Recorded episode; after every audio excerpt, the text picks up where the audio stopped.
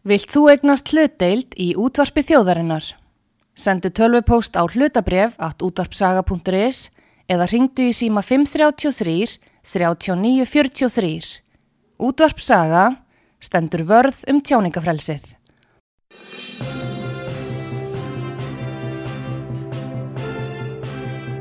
Þú ert að hlusta á frettir virkunar á útvarpi sögu.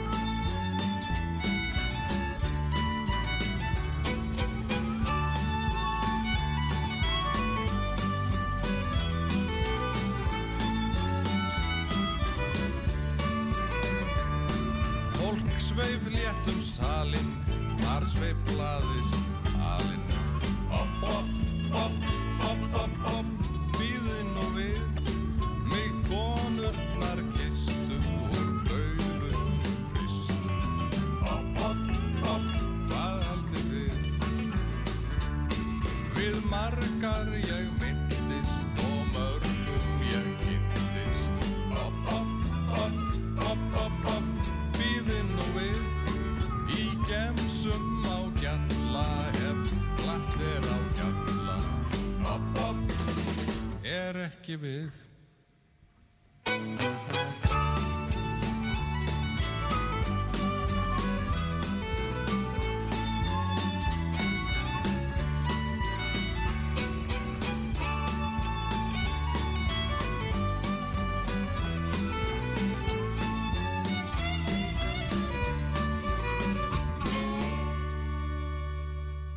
Komið sæl ágætu hlustendur útvarps sögu. Þið eruð að hlusta á síðdeis útvarpið og ég heiti Magnús Þór. Við vorum að hlusta á hljónsvitina Spaða flytja lægið Opp Opp Opp og hingað er komin einn af meðlimum Spaða, Guðmundur Andri Tórsson, aðstofamaður Loga Más Einarssonar, forman samfélkingarinnar, fyrirvændi þingmaður, skáld og varaþingmaður og Vigdís Högstóttir fráfarandi borgarfulltrúi, líka fyrirverandi þingmaður, fyrirverandi formaður fjárlaganendar. Verið velkominn. Takk. Takk fyrir. Ert þú ekki líka fráfarandi þingmaður? Fyrir Jú, jú, þingmaður? ég get Já, já. búið, ég er maður með marga hata. Það er sko ekki lið. vandamálið að hérna, hérna, ekki vandinn sko. En um, já, við ætlum að koma að hingað saman til að svona fara aðeins yfir fréttir vikunar og svona það sem stendur upp úr. Ég byrja bara á því að spyrja þig Guðmundur. hvað finnst þér vera helsta fréttaefni vikunar? Já, Jésús með þetta er nú búið að vera ansi svona tíðindarík vika, þingið, það, það kom saman Já, í vikunni, svona áður en það fer aftur í leifi út af um, sveitarstjórnarkostningunum og það er náttúrulega bankar, bankasölu málið sem að hérna stendur upp úr og, og þar eru ekki öll kurl komin til grafar. Ég spái því að það máli ég eftir að svona ég eftir að lifa áfram svolítið inn í sömarið eh, hvernig sem að hérna hvernig sem að e, það fer sko en, en hérna mér sýnist að það sé ekki nóg að e, fá ríkisendur skoðunda eða, eða hérna fjármál eftirliti til þess að, að skoða þetta mál. Það þarf e, meiri heimildir sem að þingnemnd gæti haft til þess að hérna, grafast fyrir um hvað gerðist, hvað fór úrskeiðis að það virðast eiginlega allir vera sammála um það að þetta hafi ekki farið eins og menn sáu fyrir sér að þetta ætti að fara. Nei, augljóslega ekki. Nei. Fylgdistu með fundunum í morgun það sem Bjarni, Ég hafði Var- nú öðrum hnöppum en heipa því meður í morgun þannig að hérna, ég náði ekki að fylgjast með því. Ég, ég ætla að hlusta á þetta á eftir en maður er svona, það, það verið að týnast inn einhverjar hréttir samt já, ég horfði svona hann að fund og mér varst andrumsloftið svona eins og það horfði við mannin og horfði maður bara átt í tölvunni sko, það var svona mikil spenna í loftinu.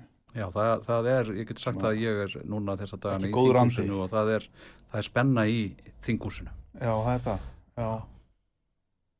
Er ríkistjóndin að liðast í sundur? Ég held að Ríkisvöldna hafi átt betri daga. Uh, hún hafi átt, sko, það hafi verið meira stöð á liðinu. Uh, ég held að það hafi verið betri móral innan, innan Ríkisvöldnarinn heldur en núna maður svona skinjar það. Maður skinjar, það er svona ekki gott, það, það er ekki gott andrúsvátt myndli framsvóttamanna og sjálfstæðismanna. Náttúrulega í kjölfar þess að atviks á búnaðingi og það sem að, e, að við munum að hvað gerist og, og við munum líka að, að Vigdís Hessler sem að, sem að le- lendir í þess, verður, verður fyrir þessu, hún, hún er, hún er fórstu kona í sjálfstæðisflokknum. Já, og, og, og er mikil svona vonarstjarna sjálfstæðismanna held ég, e, sé ótt að segja í norðurstu kjöldami mm og, um, og þeir tóku þetta óstundu upp. Maður tók þetta því að Sigur Ingi fekk ekki mjög eindregin stuðning frá, frá samráþurum sínum í, í flokknum í kjálfar, kjálfar þessa atviks og, og ra- raunar ekki heldur frá Katrínu Jakobsdóttur þannig að hann stóð svolítið á bjerangri eftir þetta uh, og hefur ekki fengið neitt sérstaklega mikinn stuðning frá, frá svona félögum sínum í, í ríkisjóttinni eftir þetta og, og það held ég að hafi valdið svona ákveðnum pyrringi þarna á milli. og Lilja líka er Lilja flokksins og Já, já, hún já. leipur svolítið út undan sér kannski, eða hvað, Já, út af bankasölunni. já, já, þetta var, ég, ég var nú svona að reyna átta mig á því hvernig, hvað hún var að segja þetta nákvæmlega í gær, í, þá sagt, um, sérstök umræða bæði í gær og Já, svo hún líka í að, og svona hún talar um að hún hafi haft evasemdir og, en hún hafi samt eh, ákveðið að hlusta á sérfræðingana vegna þess að það hafi gefið svo illa að hlusta ekki á sérfræðinga fyrir hrunið en hún hafi haft sínar evasemdir en e, en svo er á henni að skilja að þessar evasemdir hafi verið réttmætar hjá henni. Og, og, og líka, og Sigur Ingi var svolítið með þessa línu í morgun líka það var verið að spyrja hann um þetta. Framsvottamennir er, er einhvern veginn að reyna að gefa til kynna þeir hafi eiginlega ekki alveg verið hrifnir af, af þessari leið sem var farin en þeir hafi samt ákveðið að vera með bara því þeir eru góður félagar og, og, og svo leiðis en þeir hafi eiginlega haft rétt fyrir sér þessna, eigin maður eiginlega að treysta framsvotn já, eða eitthvað svona, þetta, þetta, þetta er píldu óljóst hjá þeim sko. Já. en hérna, já. Vigdís, þú þú hefur kannski horta á þetta svolítið svona utanfrá? Já, þetta er búið að vera merkileg atbyrður og ég tek undir það, það úr því við erum hér að ræða frétti vikunar að það er náttúrulega bankasýslmáli sem að hefur náttúrulega bara, skeg, bara verið þér alveg hreint að- í öllum fjölmjölum. Sko þetta er eh, svolítið merkilegt mál og, og vel reyfa hjá þér að, að þetta sé með þessum hætti. E, þetta eru eins og margir segja miklar eftir á skýringar. Já. og þar spilar, finnst mér Lili Alfriðsdóttir svolítið stóra rullu því að fyrst stigur hún fram og, og gaggrinir þetta og segist ein hafa haft þessar efasemdir og þá náttúrulega fór kliður um ríkistjórnarsalinn og, og svo segir hún núna í þessari viku að allir í, í, í þessari nefnd, uh, hvað hún kallast ráþæra nefndu ríkisfjármál, hafi haft efasemdir. Þannig að þarna er hún að leggja uh, öðrum ráþörum orði munn uh, af trúnaðafundi E, og mér finnst þeir ekkert hafa haft sko, svarað fyrir það hvort að þeir hefðu verið með efasendir. Bjarni hefur nú dreigið mikið úr þessu sko. Já, en sko þetta er komið einhvern veginn svona. En ef að þú ert ráð fyrir ríkistjórn og það er verið að selja hér ríkisegur sem að fólki í landinu á og það eru efasemdir hjá öllum hópnum sem um þetta sísla þá náttúrulega ber að staldra við og þá taka ákvörðun sem er þá réttmætt og, og, og gerð. Já, þetta er Annars hefði þetta ekki- þetta er í lokuð útbóði sko, miðað við fáa langtíma fjárfesta en þú fær marga skamtíma fjárfesta. Já, og, og litla og alveg sko niður í miljón og það er fullt af uh, bara fólki sem hefði gerðan taka, tekið, vilja taka þátt í þessu útbóði Já, svo er bara takmarkaða miðlurum sem að, sem að fá að sko, eh, fá að, fá að stýra sölunni. Svo er það náttúrulega algjörlega forkastilegt að það skildi hafa verið með þeim hætti og sérstaklega þegar er litið til sko sölu þóknar Já. tóknarna sem að þeir tóku sér einhverju sko rúmar 700 miljónir fyrir það að sísla með þetta. Og svo ef að það er rétt að, að þeir hafi bara jafnvel verið að kaupa sjálfur og tengdir aðilar og, og þetta kaupin tengjast inn í þingflokkvinstri grætna og, og svo svo það er ekki bara sko- inn í sjálfstæðisflokki Svo þurfum við líka að fá að vita sko, var, hvað voru þessi miðlar, höfðu þessi miðlar tækifæri til þess að hafa samband við sko, fólk sem að var utan þeirra viðskiptavina ring sko, ég tel og að það sé augljóst ég hérna, tel að það sé augljóst ég tel það Já, við vitum þetta ekki. Það- Þess vegna. Og, og, og ríkisendur skoðandi, hann mun ekki endilega komast að þessu.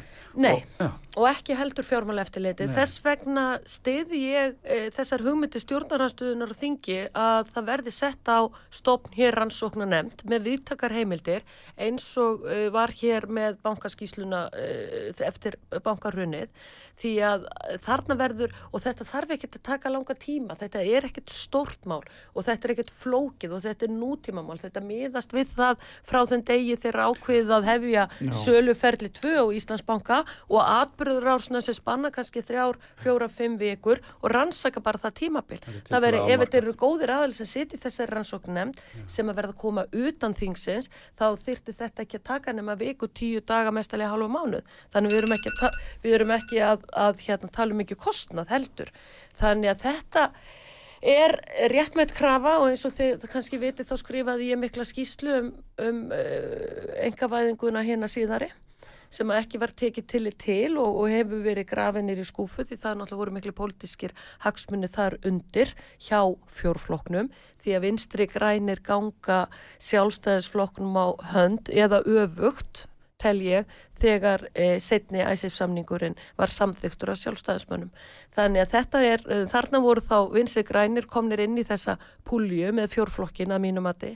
Þannig ég stið, þar, þar gaf Stengrum Mjög Sigfússon fjár, hérna, kröfuhöfum 130 miljardar, skiljiði mig, og þetta hefur aldrei verið rannsakað á opibörum aðilum og þurfum við að býða í 20-25 ár eftir þeirri rannsókn. Þess vegna vil ég að þetta sé rannsakað núna í nútímanum og þá séu allir aðalar kallaði til. En ríkistjórnin er í rosalegu vandræðum og ég er búin að horfa með öðru augun að báða þessa fundi þar sem bankasíslan kom og svo fjármálar á þeirri morgun og mér finnst þessir aðilar allir verða, vera komnir upp að vegg. Það vantar upplýsingar. Já, það er aldrei þannig og, og, og svo hefur náttúrulega ekki bætt úr skák svona hvernig hérna, fulltrúar bankar, bankasýslunar hafa talað og, og, og, og hvernig þeir komið fram þarna á þessum, þessum fundi með bankasýslunni þar sem að voru náttúrulega þessar ótrúlegu upplýsingar um, um hérna, flugveldana og vínflöskurnar og, og hvað verða bóðin en ekkert annað uh, og, Já. og, og hérna Merkilegt. Já, þetta er eiginlega ekki alveg, eiginlega ekki alveg báðlegt sko, en gefur okkur ákveðna insýn inn í einhvern heim sem að er okkur hinnum náttúrulega alla jæna alveg lokaður sko. Ég hugsa að þetta er svolítið framústefnilegt að gefa flugelda fyrir Mjög. að fá hlut í banka um hávor á, á Íslandi þegar já, ég- vorjaptægur eru löngu liðir. Ég hugsaði bara litlu verið vöggur fegin en, en sko maður finnur það alveg á, á svona almennum þingmannum líka e, e, í, í stjórnarliðinu að, að, að þeim er heldur ekki skemmt, ég meina þetta er sómakært fólk og, og, og, og það er ekki hérna, það vill ekki endilega sitja undir því að standa að svona vinnubröð Nei, Það er líka þannig, það er svo óbúslega mikið af nýjum þingmönnum. Já, Ef við já. tökum framsónaflokkin, þá er þetta óbúslega margir nýliðar sem hafa aldrei setið fyrr á þingi. Já, og ég hef þessum í þeim nokkrum í þessum þáttum og þeir eiginlega setja þarna í þessum þáttum með kartöflumunninum Já, og eiga rosalega erfitt með að verja þetta. Það- og meiri já, segja sko fulltrúar í fjárlaganemnd. Þannig að þetta er svo óbúslega orðið sko neyðarlegt fyrir alla.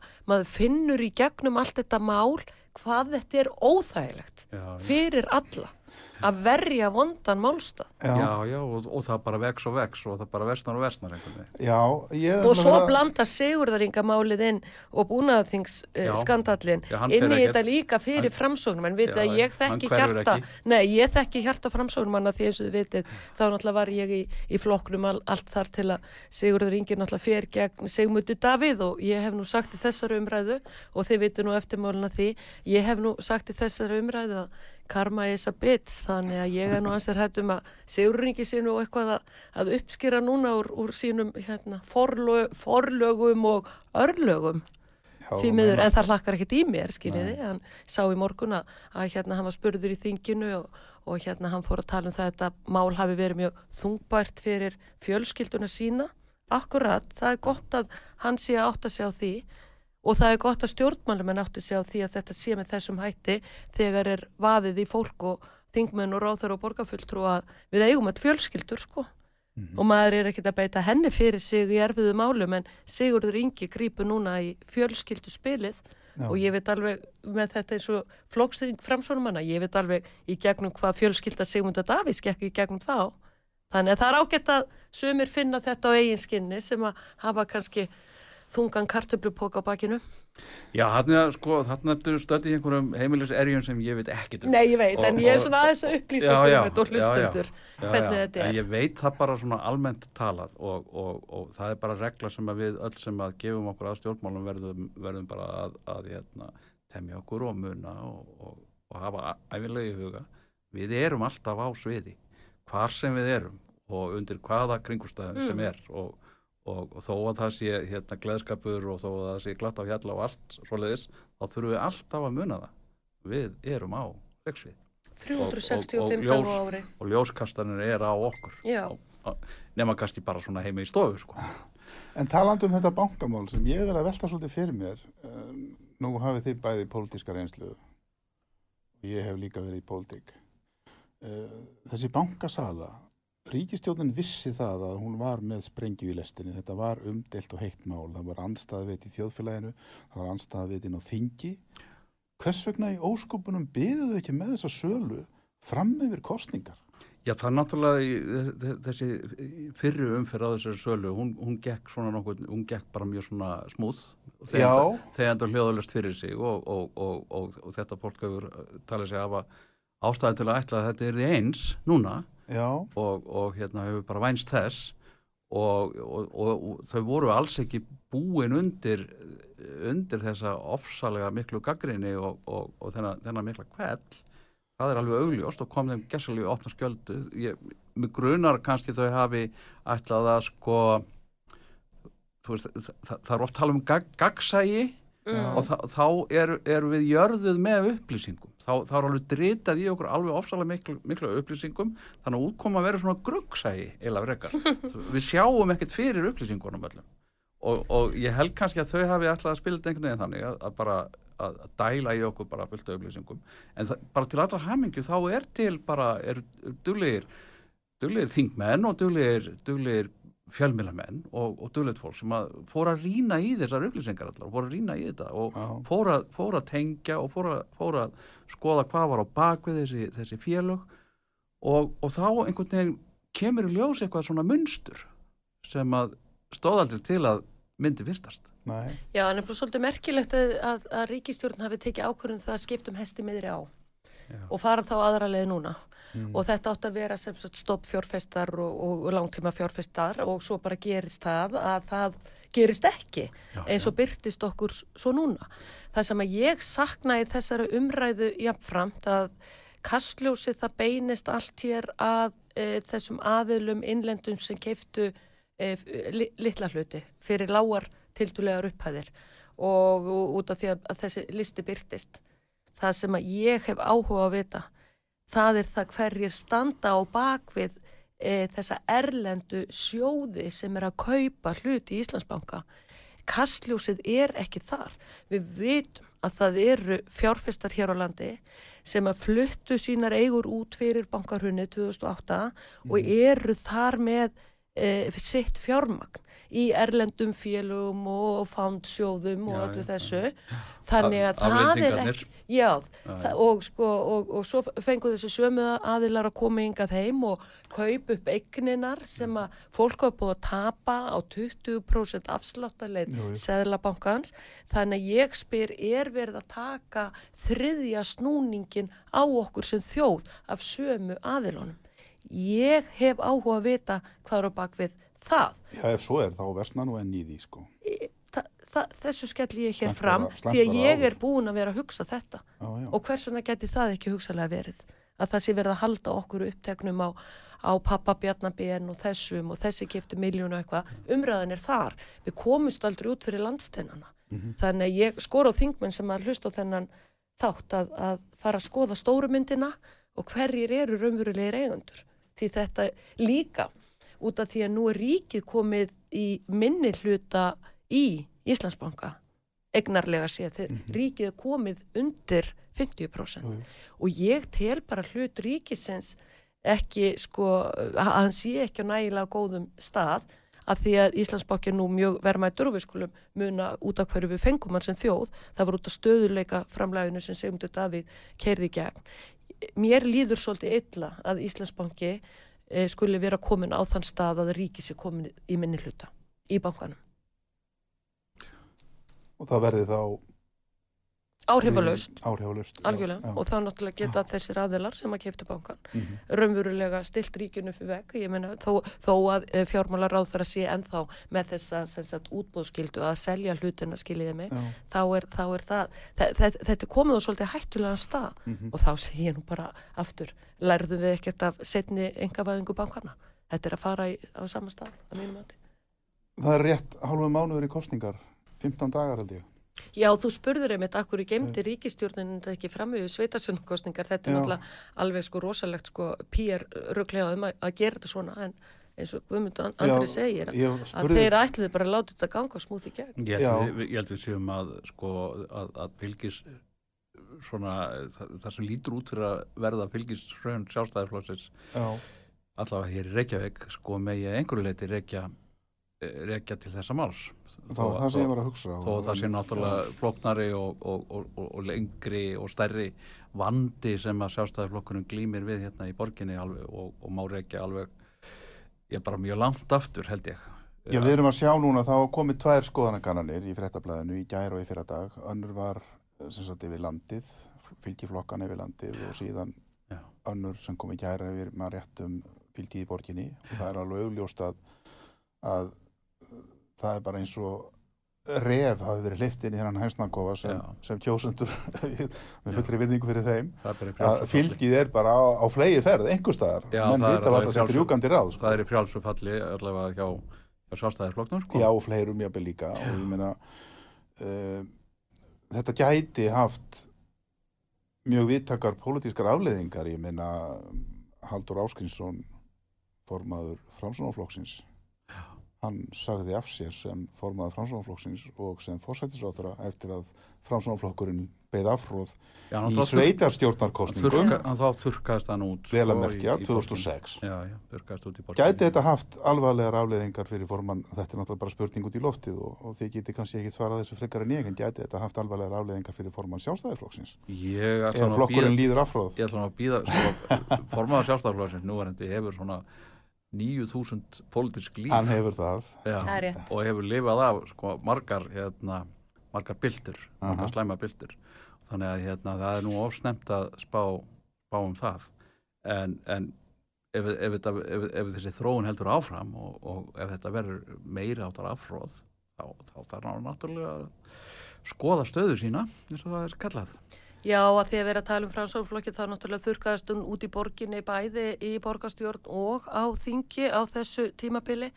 Nú framsóknarflokkur þurkaðist út úr borgarstjórn í síðustu borgarstjórnarkostningum líka án áhrifa á uh, forma, þáverandi formaflokksins að það kannski er náttúrulega vann annar staðar en hugsið ykkur örlög þessara þjóðar og örlög uh, reykvíkinga ef að uh, bankasalan og eftirmálar hennar verða til þess að Dagur B. Ekkesson haldi meiri, meiri hluta sínum í borginni. Þetta er ekki góður greiði sem að ríkistjórninni er allavega að gera reykvíkingum að mínu mati og þið vitið e, sem sagt að ég er í mikilli stjórnaranstöði í Reykjavíkuborg en hef ákveðið að stiga til hliðar. Já, En er hugsið ykkur hvað-. Já, en hugsiðu hvað sko, eitt mál getur bara tvistrað fylgi flokka. Þetta er svolítið merkilegt að horfa Mér finnst á. það mjög nei, merkilegt já, ef þetta í, rauninni er ég eh, eiginlega ekki alveg samanlega sko, vegna þess að, sko, þetta mál sýnir okkur alveg sko, einhvern kjarna í svona, við svona já, alveg rétt, svona er sjálfstæðarflokkur það, það rifjast upp fyrir og fyrir okkur í samfélkingunni þá svona rifjast upp fyrir okkur af hverju við gátum ok ekki hugsað okkur hérna 2016-2017 að taka þátt í þessu minstri Mhm. að, vi, að vinna með sjálfstæðarflokk við vildum það ekki Nei, og það var, líka, af, út af, það var út af þessu þið náttúrulega voru líka í hrunstjórninni með sjálfstæðisflokknum sem Já, að kannski já, samfélki gerðnan vill ekki muna eftir Jú, og jú. er einhvern veginn búin að þurrk út úr bókunum. nei, nei. Og sko líka því það er verið að tala um sko gengi miðflokksins, þið veitir, ég hef til mis vísað ég í það skrifa að- bæku, ég þurka ekki út úr bók. Nei, en þú veist svona í allri umræðinni þá er hruninu alltaf sjálfstæðisflokkunum að kenna en, en Ingeborg Solrún var þarna sko náttúrulega hægri, en Já, þau ég voru þarna par, þau voru þarna par. hún, var hann í korter? Nei, ekkert í korter. korter fyrir hrun? Já, og all- það var allt hrunið? Herðu, og ég meina, þið áttu viðskiptar á, við skulum ekkert vera að rífast hérna, þú veist, akkurat um samfélkinguna, en ég hef máli mínu til stuðning sem er bent á það að e, 2013, eftir þessu óvinsalu ríki, vinstri ríkistjórn, þá fekk samf skrapp samfélkingi saman og fekk bara þrjá þingmenn, eins og miðflokkurinn núna og svo náttúrulega fengum við þarna eitt sem sagt flóttamann yfir í annan flokk, þannig að sko flokkar rétta sig alltaf af, eins og til dæmis bara framsvonarflokkurinn í Reykjavík og Borg 2013 þegar eh, ég og Frosti Sigurðursson erum oddvitar í sikkur í kjördaminu við vorum næst staðsti flokkurinn í borginu. Ég var annar þingmaður Reykjavík kjördami söður og Frosti annar þingmaður Reykjavík kjördami norður. Sko hundrað ára saga framsvonarflokksins sko þetta hafði aldrei gerst áður og svo skrepa flokkar saman. Já, en, en, en sko þessi gömlu flokkar sem standa á svona gömlu merk og eru stundu kallaði fjórflokkurinn svona í, í, í, í, á, á neikvæðan hátt e, og, og er reyndar hugtak sem ég aðhyllist ekki. E, sko þessir flokkar sko þeir eiga sér þe þe þe þetta eru fjöldarhefingar Algjörlega. flokkurinn svo framsvæmtaflokkurinn er fjöldarhefing sem stendur á sko merk alveg frá því fyrir sko bara í, í, í byrjun 2000-aldar Mm og samfélkingin er sko flokkur sem að stendur á svipu, svipuðum merk þar að segja 1916 þá, þá stofnar hérna, Jóns og Siplu eða svona Já, já. á því að bæði franstoflokkin og alþýðflokkin Alþýðflokkin fyrst, vist. fyrst alþýðflokkin, já, Já. já, já og svo franstoflokkin, sko, það var, var alþýðflokkur til, til, til sjávar og, og svo alþýðflokkur til sveita, þannig hugsaðan þetta sko, og, og þessna er þetta svona Nei, si- framsóknarflokkur til sveitar. já, já, já, sem að var alþýðflokkur til Mm. sem sagt, Já. flokkur alþýð, Já, sveita já. alþýðuna Já, sko. Og þess vegna er þetta svona sýstur reyfingar í einhverjum skilningi sko. og, en, en sko eiga sér þessar rætur og, og sko eru fjöldarhefingar þar sé á fundi hjá þessum, hjá þessum flokkum mætir ákveðin kjarni fólks ákveðin fjöldi fólks og er virkur í flokknum, er virkur í flokkstarfinu og, og hérna og þar sem þetta göttunum eh, maður tók eftir því sko við klopningin, klopning franstoflokksins þegar miðflokkunum verður til að margt af þessu fólki fylgdi ykkur Mhm. eða þú fórst nú ekki strax hérna, þarna yfir Eða sko. sko ekki opiðberlega, ég fór strax en Já, já. ég gerði ekki opiðberlega, já maður svona strax. s- sá hvað hjart- hjartað sló Já, en hérna þannig að sko þess vegna hafi, hefur miðflokkurinn sko lifað þetta lengi sko. mhm, og af því að það er það, hann á sér einhverja rætur í þessum gömlu framsóknar e, kjarna.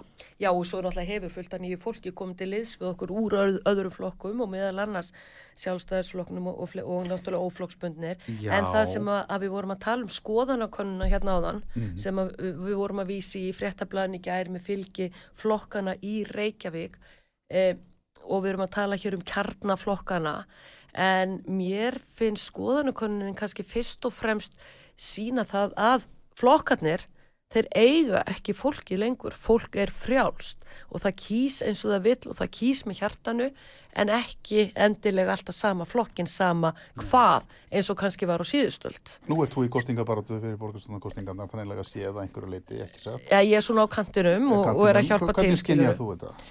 Er, er fylgið á fleiri ferðið? Já, fylgi er á flegi ferð og uh, þetta er óbúslega skrítin kostningaborta. Það er halfur mánuður eftir og auðvitað trompar þessi bankasala allt í umræðunni. Já. Þannig að e, það er mjög erfitt að koma skilabóðum áfram núna til kjósenda fyrir hvað flokkarnir í borginni standa e, vegna þess að það er ekkert annað sem kemst að en bankasalan og það er bara þannig og við vissum það um leið og þing kæmi saman út af því lagði ég mikla áherslu það að miðflokkurum myndi byrta stefnuskar á sín á föstudaginn áður en þessi holskepla myndi bresta á að þing kæmi saman. En ég get sagt ykkur það að ég hugsa að engin ríkistjórn nokkuð tíman hlakki jafn mikið til og að fara í þín klé vegna sveitastjórnarkostninga, það get ég sagt ykkur. Hvenar er það? uh, sem Þín kléð? Já, hvenar það er er bara núna. Það er í dag. Er Er þetta það- síðusti dagurinn? Er þetta í dag? Já, ok, já, það ég er var ekki sem að búin að kynna mig það. Það er verið að klára mál og... Það er þinglok í dag. Já. Ok, þá fara sveitastjórnarkostningarnar á stað ekki setnin á morgun. Það Ég held að það svo. Já, það verður, það ekki, ég get að lofa það því að það verður ekki hægt að tala um sko, Nei. bankasýslumáli Nei, búnað, nei, hérna, búnað þingsmáli, nei, nei, nei. Já, nei, á bankasýslumáli sko. Og bankasýslumáli, Já, já, þetta það- lifir, það- sko. Það, það mun lifa alveg fram yfir kostningar að minnstakost En ég óska sveitastjórnumönnum til hamingjum með það að þingið er að fara í frí í dag, bara svo að þeir fara nú að koma sínum sjónamiðum og stefnumálum nýja sveitastjórnir. ég, ég held að, fyrir ekki, hérna Já, við verðum að taka pásu, það er komið auðlýsingalía. Haldum áfram ættir. Góður hlustur, ég heiti Magnús Þór, kom aftur til smástund.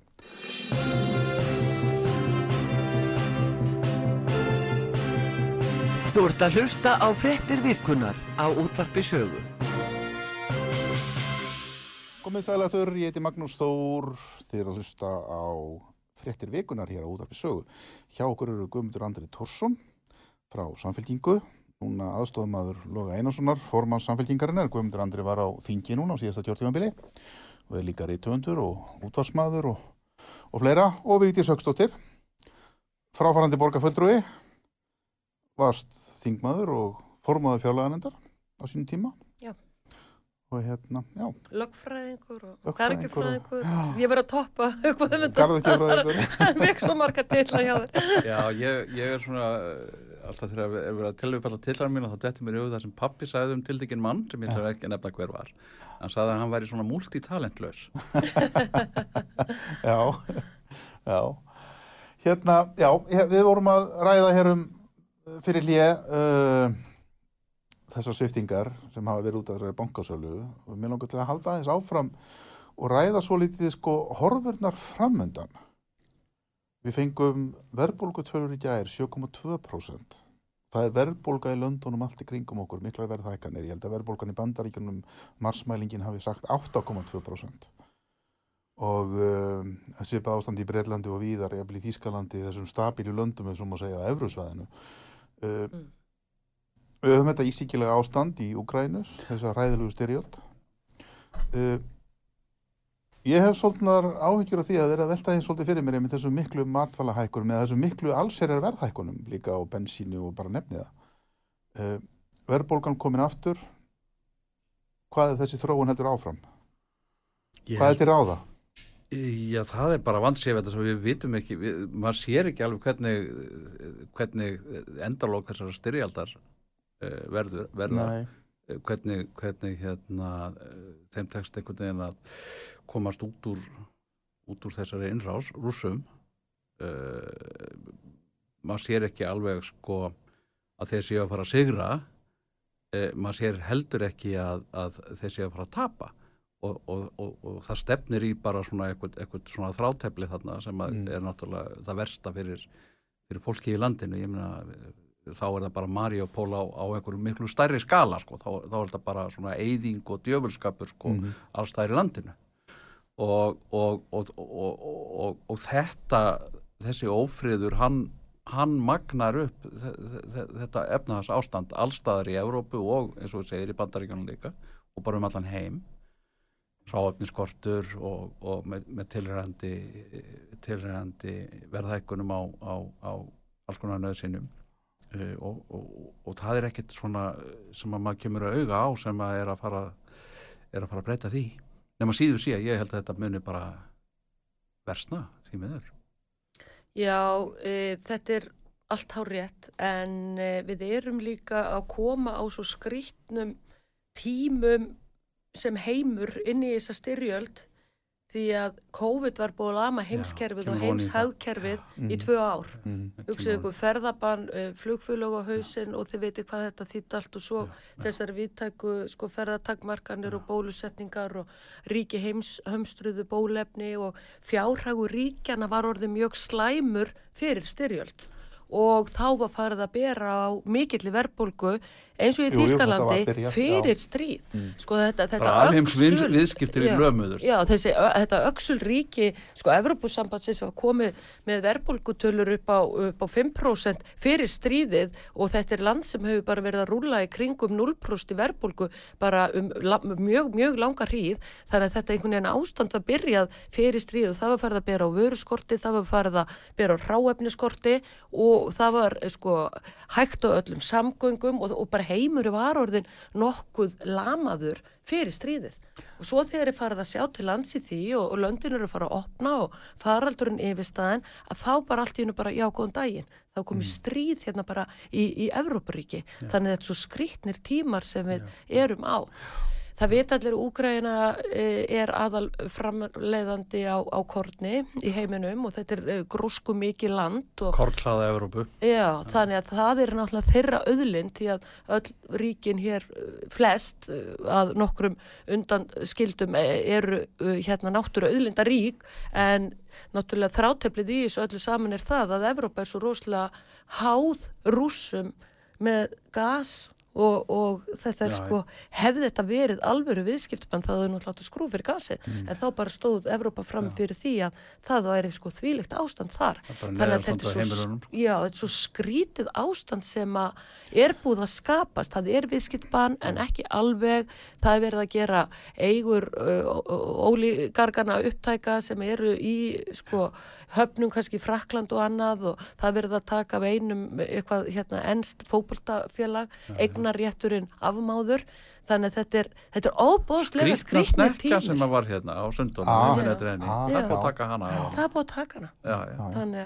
að- þannig að konar. skiljiði sko, svo náttúrulega þessar tölur sem byrtast okkur hér á landi, þessi, þetta reikalega verðbólgu skot sem ég er hættum að sé ekki skot en sé ávísun á langvarandi verðbólgu og það er agalegt fyrir okkur sem þjóð.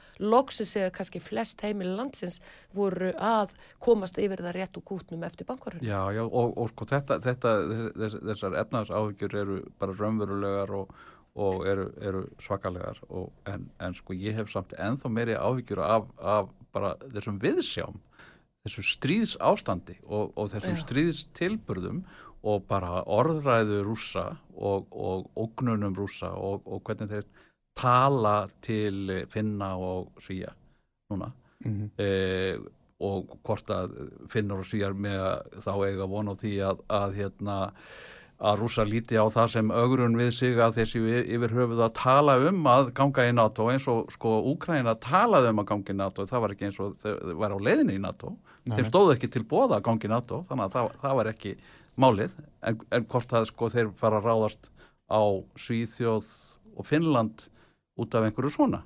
Og gleymum því ekki að rússar undir, undir sko fórustu þessa þessar trilltu klíku sem að hérna, stjórnar landinu þeir ráða yfir kjarnorku vopnum sem að sko geta farið á tiltekna staði og bara eitt þar öllu. Jú, jú. Hann var mikið að ífa fjæðrinnar þegar hann sett á loftarna þessa geimskutlu eða hvað þetta var til þess að pröfu kerslun á henni og, og sagði svo jáfnframt já, þetta hefnaðist vel þetta skot og, og þe þessi uh, skutla getur flutt kjarnorku vopn nánast hvert sem er. Já, já. Þannig að það er alveg ótrúlegt út af því hvernig, hvað er búið að byggja upp mikið sko herabla og hergögn í Rúslandi, kannski sem við eh, vestrænar þjóðir vissum kannski ekki af nema kannski bara eh, sem eitthvað svona sko hugsanlega að þetta væri til. En Já. svo þegar þetta er komið út í stríð, þá er þetta til, raunverulega. og, og sko það og, og, og, og ástandið er svo það, það er allt, allt, allt, allt í loftu upp sko og, og við getum sagt að sko eftir hvað 1989, 90, 91 þá, þá kemst á ákveðin skipan fyrst er kaldastrýð skipaninn alltaf sko það er NATO versus Varsóbandarlegið og, og, það, Sovjetríkin og, og, og fylgiríki þeirra annars vegar og svo NATO-ríkin hins vegar og, og, og hérna, það, það var ákveðið ógnarjafvægi það sem að var nú ekki kannski alltaf þægilegt að búa við. Eftir 1989 þá kemst líka á ákveðið jafnvægi milli sko Evrópuríkja, vestur-Evrópuríkja og Bandaríkjana og NATO-ríkjana annars vegar og svo milli Rúslands hins vegar, Mhm. ákveðin svona sambúð getur við sagt en það er búið að, þe- þetta er, þetta er í uppnámi Þetta er í uppnámi og menn eru fattir að tala núna eins og maður er aldrei hægt að tala á. Já. Þeir eru fattir að tala opinskátt um hugsanlega þriðju heimstyrjöld og þeir eru fattir að tala opinskátt um beitingu kjarnorku vopna. Já, þetta er tálsmáti sem maður aldrei, ég hef aldrei heyrt þetta áður. ég held ekki En- maður ætti eftir að lifa þetta sko. Já, sem- þess vegna er náttúrulega líka verið að tala um fyrir og setni heimstyrjöldurina því það var einhvern veginn búin að semja þann heimsfrið á sínum tíma eftir setni heimstyrjöldurina það yrði ekki fleiri menn en svo er verið líka- núna að tala um Já, þriði já. heimstyrjöldina en þetta þarna í kringum sko 90 1990, þetta var ekki fórnar kostnaða laust því að eins og til dæmis bara Finnland og Svíjar fóru mjög illa út úr falli Sovjetríkjana Já. sem var til þess að sko náttúrulega finnar mistu markaði og, og bændur náttúrulega og sko, akkureyringar og já,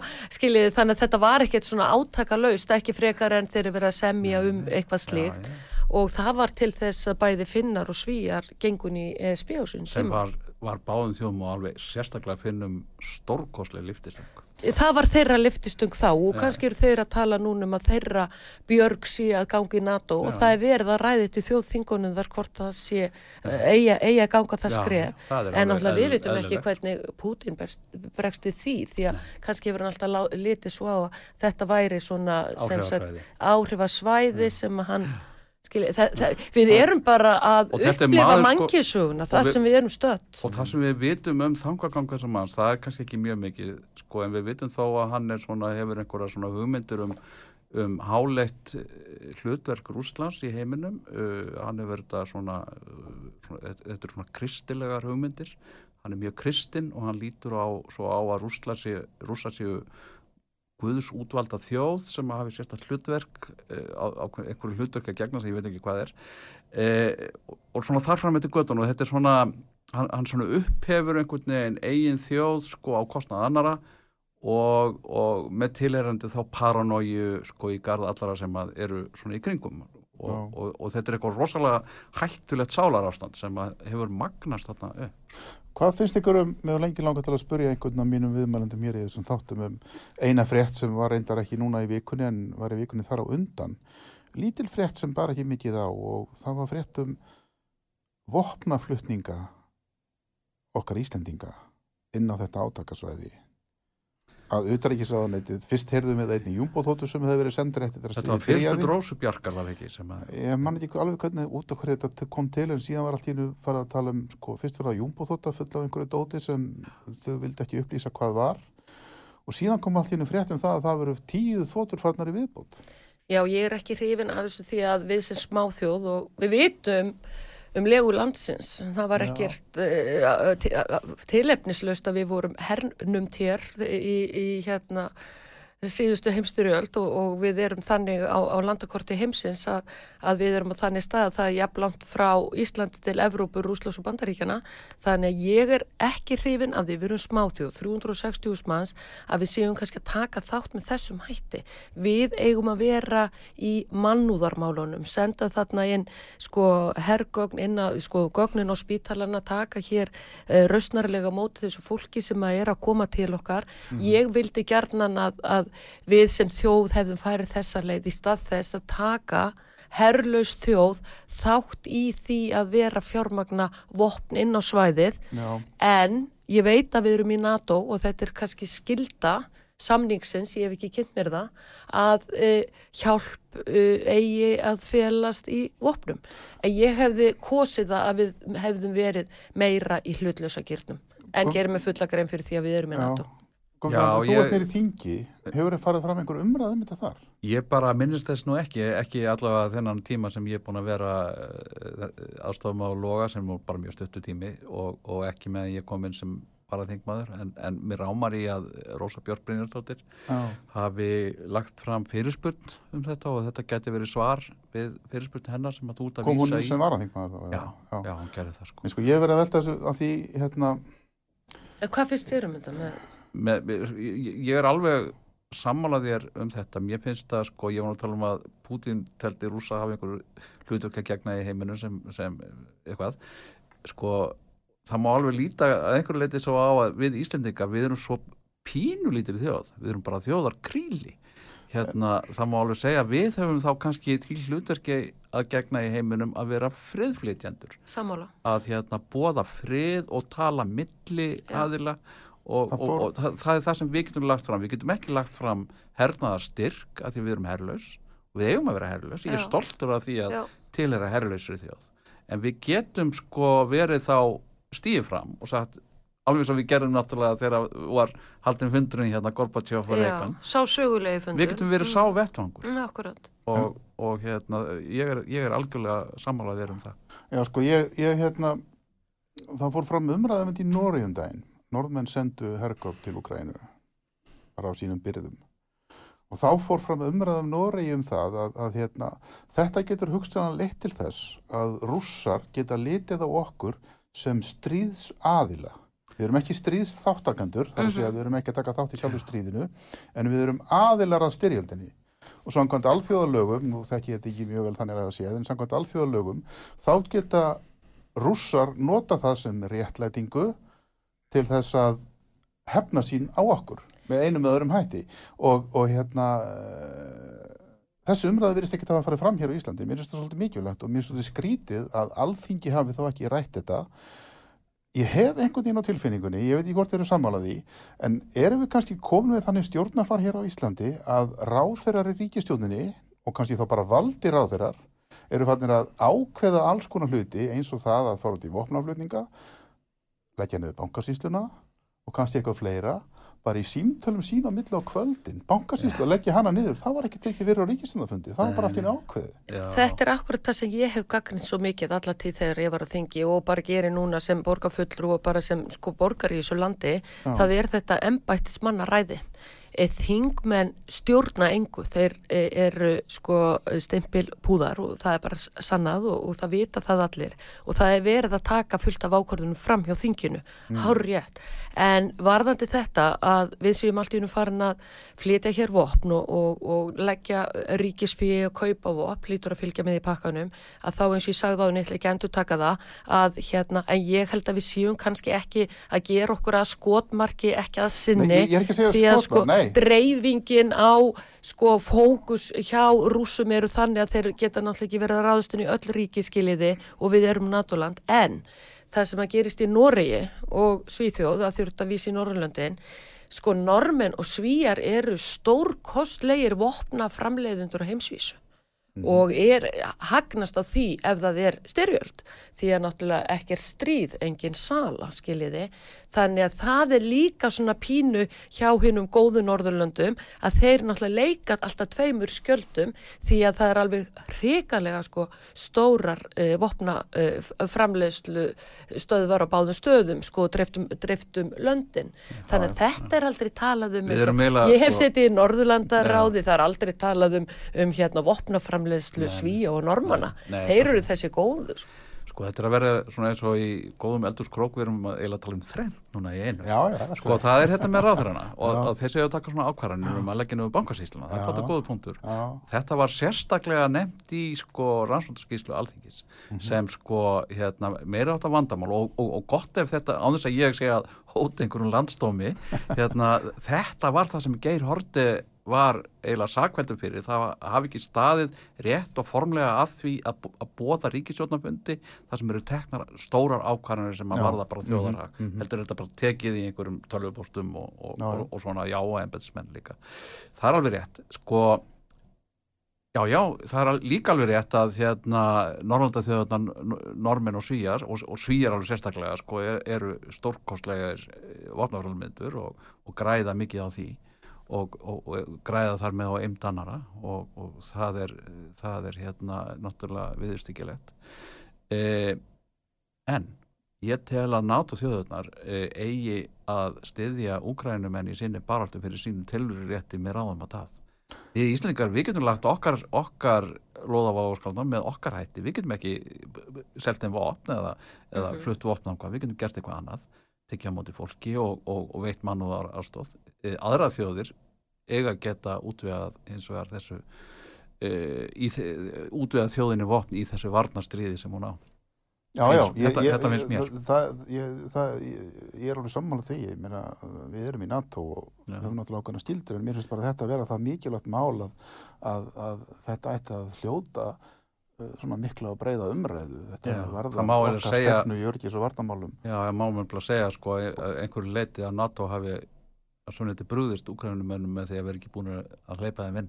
Já, svo var það náttúrulega líka sem að hérna, frangotstjóri saminuðu þjóðana eh, sem að var að fundi í Úgrænu í gær Og var verið að baðst eiginlega hálf afskugunar á því að Já. saminuðu þjóðanar höfðu brugðist já, en vera okkar í NATO sem Íslendinga hefur raunverulega alltaf gengið út á það að við erum tilbúin til þess að opna e, alþjóðaflugullin í Keflæk Já. í stríði Mm.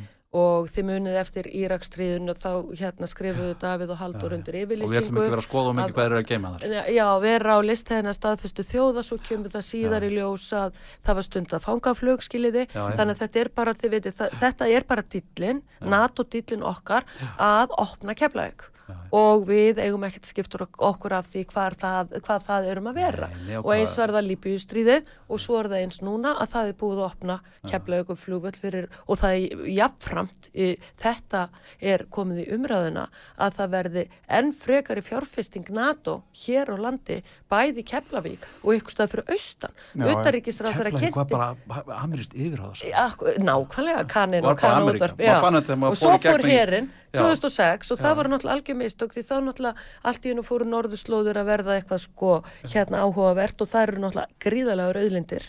En þá var farið með bandaríkja hér fór með allt sitt lið niður að miðbögg þegar stríðið var þar. Þannig að við, þetta er búið að vera sko og svo eru þau komnir aftur 2022 og segja hei, við verum að hafa Íslandin á kortinu, byggjum upp þar og fjárfesting og það er ekki nóg að vera í keflaug, við verum líka að byggja eitthvað fyrir norðan og, eða austan. Svona er þetta. Geti þetta leitt til þess að Evrópusambandsumræðan vaknaði nýju? Það vona ég. Það voni ég ekki. en ég er nú alltaf að býða eftir að Ömundur Jónasson komi hérna og, og komi með skildi og, og hérna hvar er baróttan Ísland og NATO herin burt. Það er fólk er nú Já. alltaf á lífi og í fullu fjöri, eða ekki? Það heyrist Jú, ekki mikið í því. Nei. Jú, já. Það er kannski já, út af því að- Ögmundur er duglegur að blogga og Já, já, já, já, en, það, já, en það fyrir er kannski út af að- því það heyrist ekkert í kannski þessum armi út af því að, að vinstri grænir eru í forsæti fyrir ríkistjórnina og eiga forsætisráðurann. En tíma Se- okkar, hann fer að verða að þrótum. Ég vil langt að spyrja ykkur um eitt máli viðbót. Það kemur þessu ekki til. Það er þetta furðulega stittmál. hvaða stýttumál? Stittan sem, sem hvar fyrir vestan Já, já. og virtist aftur út á granda. Ég skil ekki eh, hvernig er hægt, samkvæmt lögum, að stela listaverki og gera sjálfan sig að þjófi í leiðinni fara með það og búa til eitthvað listaverk utanum þýfið og að þá sé eh, hið nýja listaverk með þýfinu inn í orðið varið að höfundarétti. Samdarétti. Sko, ég bara næ ekki þessu máli. Nei, ég, ég held ég næði þessi ekki alveg heldur en ég held að þetta snúst kannski um það að þetta er afsteipa sem að var stólið afsteipa af, þetta er ekki frummynd sko, þetta er náttúrulega högmynd sko þetta er afsteipa af högmynd En höfundaréttur hvað er sá hins sami. hvað sem því líður þá finnst mér það hins vegar sko alveg ný hugmynd eiginlega og, og, og, og ekki góð hugmynd að sko listaverk eigi alltaf að miðla réttum og góðum hugmyndum. Það er ekki endilega sko hlutverk listaverka. Og svo hitt sem þessu skilt að listamenn þurfi endilega að vera góðar manneskjur. Það er ekkit endilega málið Mhm. og, og listamenn eru það bara alls ekki alltaf en geta samt sem áður búið eitthvað til sem að skiptir jafnvel eilu þjóðurnar máli En ég get alveg tekið undir það að þetta var sko gjörningur sem að hefnaðust 100%. Já, hann, hann, hann, hann Þessar hann, konur sem gerðu þetta fengu því líka aðtegli það því að sko gjörningur er eitt og, og liskupun er annað og að mínu okkur náttúrulega til að hugsa, hugsa, hugsa aðeins um þetta mál sko. og, En er þetta samt ekki, er þetta samt ekki svolítið, mér finnst það svolítið sorglegt gagvart listamannin þar að segja ásmundi Svensinni. sem var mjög langt frá því að vera, vera svona einhver rassisti og, Þýðir aldrei ekki að um taka, það þýðir ekki að taka gamla tíma. Já, þýðir ekki að taka gamla tíma og nútfæra það, hérna, uppfæra það til dags í dag með, með mannréttindum og skoðunum og annað eins og oft vill verða að taka eitthvað og uppfæra það með við daginn í dag. Þessi einstakki listamaður var einungis að sína vestuförum virðingu sína með þessari liskup. Já, þetta er mynd af konu líka og það er þetta aðeinsvert í þessu líka að sko það er högmyndi sem að helst hafa hérna orðið fyrir barðinu á, á skemmtasjúkum Íslendingum e, eru, eru, eru kvenna myndir, það eru, það, það eru að satt? það er hafmegan eftir Nínu Sæmunsen Já, sem að var í tjötninu og var sprengt Mhm. upp, hún þóttu svo ljót.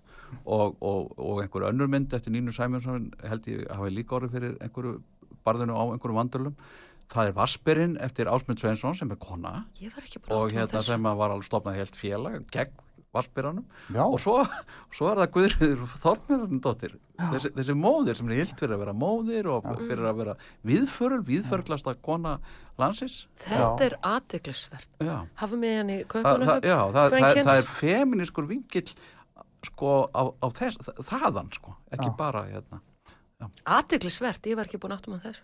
já, það er nefnilega það. Já, tíma okkar er á þróttum.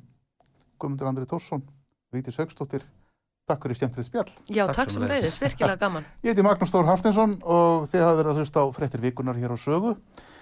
Ég kveð, við óskum ykkur bara góðrar helgar og takk fyrir að hafa hlustað. Verðið sæl.